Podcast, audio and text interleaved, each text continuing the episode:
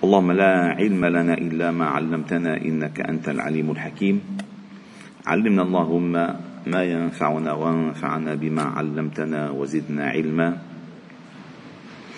واجعلنا ممن يستمعون القول فيتبعون أحسنه. وأدخلنا برحمتك في عبادك الصالحين. وبعد. فلا نزال معكم أيها الأحباب الكرام في مجالس القرآن ضمن دروس قرآن الفجر وقد انطلقت بنا المسيرة بسم الله مجراها ومرساها في تدبر سورة النساء. هذه السورة العظيمة المليئة بالأحكام والأمور الهامة التي ينبغي أن يفهمها الإنسان في حياته الاجتماعية وفي حياته الأسرية. وقلنا لكم أن هذه السورة المدنية نزلت في آه، آه، أزمنة متقطعة امتدت حوالي ثمان سنوات.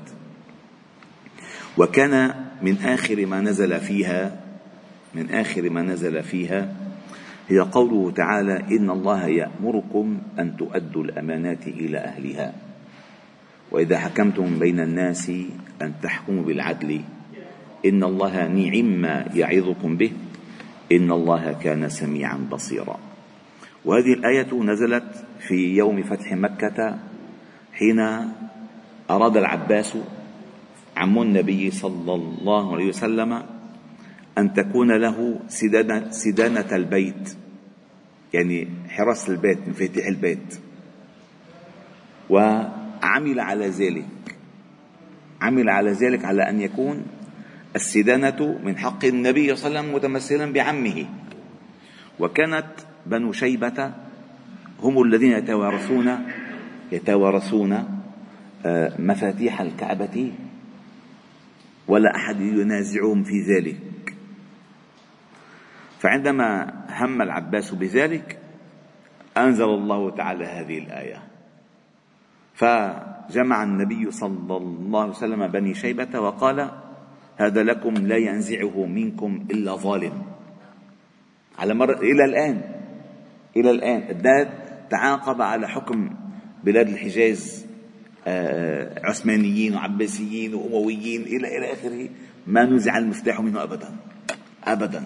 وعندما يريدون أن يفتحوا آه، باب الكعبة أو غسل الكعبة يطلبونهم أن يأتوا.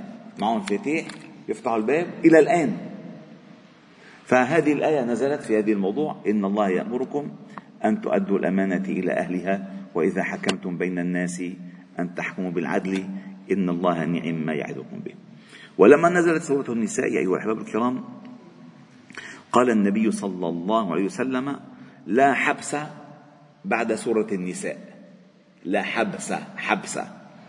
لأن كما ذكرت لكم في إشارة سريعة بالأمس أن الجاهلية كانوا لا يورثون لا يورثون النساء وكانوا يحبسون الأموال على الأيتام ولا يعطون أموالهم. فإذا وآتوا اليتامى أموالهم. إن أول ما قال الله تعالى وآتوا اليتامى أموالهم. فقال صلى لا حبس بعد النساء. خلاص كل إنسان له حق عليه أن يؤدي الحقوق إلى أهلها. وما, وما سوى ذلك هو اعتداء على حدود الله. وآتوا اليتامى أموالهم. ثم الله جل جلاله ذكر في هذه آه، الآيات التي حددت الحقوق والواجبات أنه لا يصح أن يعتدى على حق أحد في ماله ولا في ملكيته مهما كان صغيرا ومهما كان كبيرا إلا أن تكون عنده الموانع ولا تؤتوا السفهاء أموالكم التي جعل الله لكم قياما.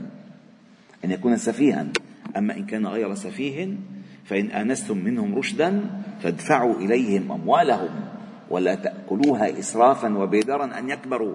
لأنه مثلا عنده يتيم وعنده مال بلش يأكل يأكل يأكل منه قبل ما يكبر الولد وياخذ ماله. أنا عم بصرف عليك. هذا لا يصح. وسيأتي تفصيل ذلك في سياق الآيات وستكتشفون كم هذه الحديقة القرآنية في سورة النساء مليئة بالثمار مليئة بالأشياء الطيبة مليئة ولكن كل وقفة لها طعم ولها هدف. وقد ذكر ابن مسعود رضي الله تعالى عنه قال أحب آيات إلي من الدنيا وما فيها خمس آيات في سورة النساء. خمس آيات في سورة النساء. قال هي قوله تعالى إن تجتنبوا كبائر ما تنهون عنه نكفر عنكم سيئاتكم وندخلكم مدخلا كريما. في في أعظم رحمة من هيك؟ اجتنب الكبائر وعلي غفران الصغائر بس. إن تجتنبوا كبائر نكفر عنكم سيئاتكم. الكبيرة بعيد الصغير علينا. ولكن عليك ألا تقترب من الكبائر على على ألا تقترب. ما بس وندخلكم مدخلا كريما. ثم الله تعالى قال في الآية الثانية إن الله لا يظلم مثقال ذرة. وإن تك حسنة يضاعفها ويؤتي من لدنه أجرا عظيما.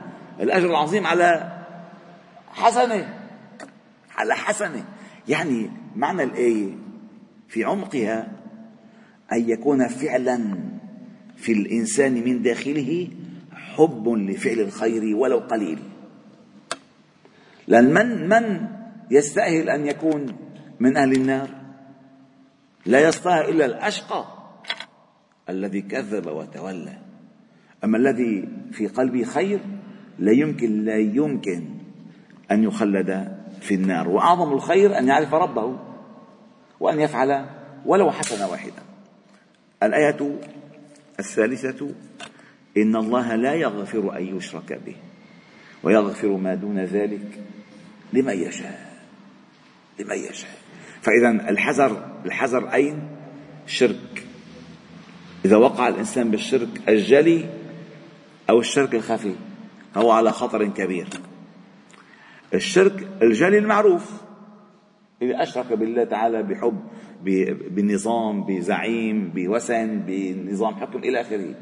والشرك الخفي إرادة غير الله بعمله. هذا شرك خفي. لأن يعني يبطل العمل يبطل العمل.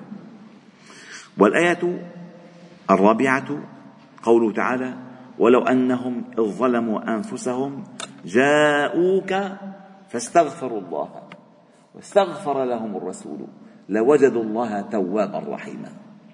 هو قال ابن مسعود صلى الله عليه وسلم كان بين أظهرهم أما الآية التي الخامسة التي تعنينا على مر الأزمان ومن يعمل سوءا أو يظلم نفسه ثم يستغفر الله يجد الله غفورا رحيما.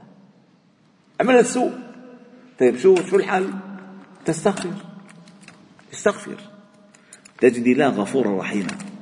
ومن يعمل سوءا أو يظلم نفسه ثم يستغفر الله يجد الله غفورا رحيما. ابن عباس الله مرضى عنه. وتعلمون باب التذكير. ابن عباس عندما توفي النبي صلى الله عليه وسلم كان عمره 11 سنة. ابن مسعود كان أكبر منه ولكن ليس ليس أكثر علما. ابن عباس زاد عليه ثلاث آيات. زاد عليه ثلاث آيات. قوله تعالى يريد الله ليبين لكم ويهديكم سنن الذي من قبلكم ويتوب عليكم. والله عليم حكيم. والله يريد أن يتوب عليكم. ويريد أن تميلوا ميلا عظيما يريد الله أن يخفف عنكم. وخلق الإنسان ضعيفا. هالثلاث آيات هول اعتبر ابن عباس من أعظم الآيات في سورة النساء. لأن فيها رحمة للناس فيها مغفرة للناس فيها توبة على الناس وفيها تعريف بضعف الإنسان. ومن أهم خصائص هذه السورة أنها ابتدأت ابتدأت بالتقوى. ولم تبتدئ سور بالتقوى إلا سورتين اثنتين سورة النساء وسورة الحج. سورة النساء يا أيها الناس اتقوا ربكم الذي خلقكم من نفس واحدة. سورة الحج يا أيها الناس اتقوا ربكم إن زلزلة الساعة شيء عظيم. فسورة النساء ذكرت بالبداية خلقكم من نفس واحدة البداية. وسورة الحج ذكرت بالنهاية. فإذا التقوى من البداية إلى النهاية. هذا المقصود. التقوى من البداية إلى النهاية. وفي سورة الحشر ذكر الله التقوى في موضعين في آية واحدة. يا أيها الذين آمنوا اتقوا الله ولتنظر نفس ما قدمت لغد. واتقوا الله. إن الله خبير بما تعملون. سبحان الله. هذه السياقات لها لطائف. ابن مسعود وابن عباس كانوا ينتبهون لها. ما بيقعدوا بالآية بيفسروا كلمة كلمة. بيشوفوا سياق الآية. المكنونات التي في هذه الآية الأسرار التي في هذه الآية. وكان صلى الله عليه وسلم كما ذكر حذيفة بن اليمان الله مرضى عنه كان من قيامه في الليل أن يقرأ سورة البقرة وسورة آل عمران وسورة النساء. في ركعة واحدة. أو أو ركعة. حتى قال هممت أن أذهب. فقلت يقف عند رأس المئة. فتجاوز المئة. قلت يقف عند رأس البقرة. قرأ البقرة قرأ العمران. قلت يقف عند آخر العمران. استفتح بالنساء. وابن مسعود الله المرضى عنه عندما قال له النبي صلى الله عليه وسلم اقرأ علي القرآن. فقال أقرأ عليك وعليك نزل. قال أحب أن أسمعه من غيري. على فكرة لذة سماع القرآن آه، آه، يعني لا توازي قراءة القرآن سماع القرآن لذة مختلفة. الله تعالى أمر بالقراءة فاقرأوا وقال وإذا قرئ القرآن فاستمعوا له وأنصتوا لعلكم ترحمون. فقال أحب أن أسمعه من غيري. فقال فاستفتحت سورة النساء بالبداية. يا أيها الناس اتقوا ربكم الذي خلقكم. إن هلا بهالأيام تصوروا مثلا. شيخ أو تلميذ أو أخوة يا أخي. بيقعد مع حدا بده يتسلى معه. تطلع معه قل له لك سمعني سورة الحج. بحب اسمع منك مثلا. ومين هو ومين هو يعني؟ قدام النبي صلى الله عليه وسلم وابن مسعود. ابن مسعود المرضى عنه الذي قال في النبي صلى الله عليه وسلم من أحب أن يقرأ القرآن غضا طريا كما نزل فليقرأه على قراءة ابن أم عبد. ابن مسعود. فأحب أن يسمعه منه. وابن مسعود اللي له فضل على أهل الكوفة كلهم وأهل العراق كلهم في إقرائه القرآن. ابن مسعود. فقال فاستفتح بالنساء. يا أيها الناس مع كده ما أقرأ كلها يعني. استفتح بالنساء حتى إذا وصل إلى قوله تعالى فكيف إذا جئنا من كل أمة بشهيد؟ وجئنا بك على هؤلاء شهيدا. يومئذ يمد الذين كفروا وعصوا الرسول لو تسوى بهم الأرض ولا يكتمون الله حديثا فقال حسبك حسبك حسبك. فنظرت إليه فإذا عيناه عيناه تذرفان. لأن ذكر مقامه. فكيف إذا جئنا من كل أمة بشهيد وجئنا بك على هؤلاء شهيدا. الله الله الله. الله أكبر. فلذلك آه، هذه السورة مليئة. كل سور القرآن مليئة بالفوائد ولكن كل شيء له طعم. هذه السورة لها طعم مختلف. فالله تعالى نسأل أن يعيننا على تدبرها وفهمها والعمل بها. إنه سميع قريب مجيب والحمد لله رب العالمين. سبحانه وبحمدك نشهد أن لا إله إلا أنت نستغفرك ونتوب إليك. صلي وسلم وبارك على محمد وعلى آله وأصحابه أجمعين والحمد لله رب العالمين.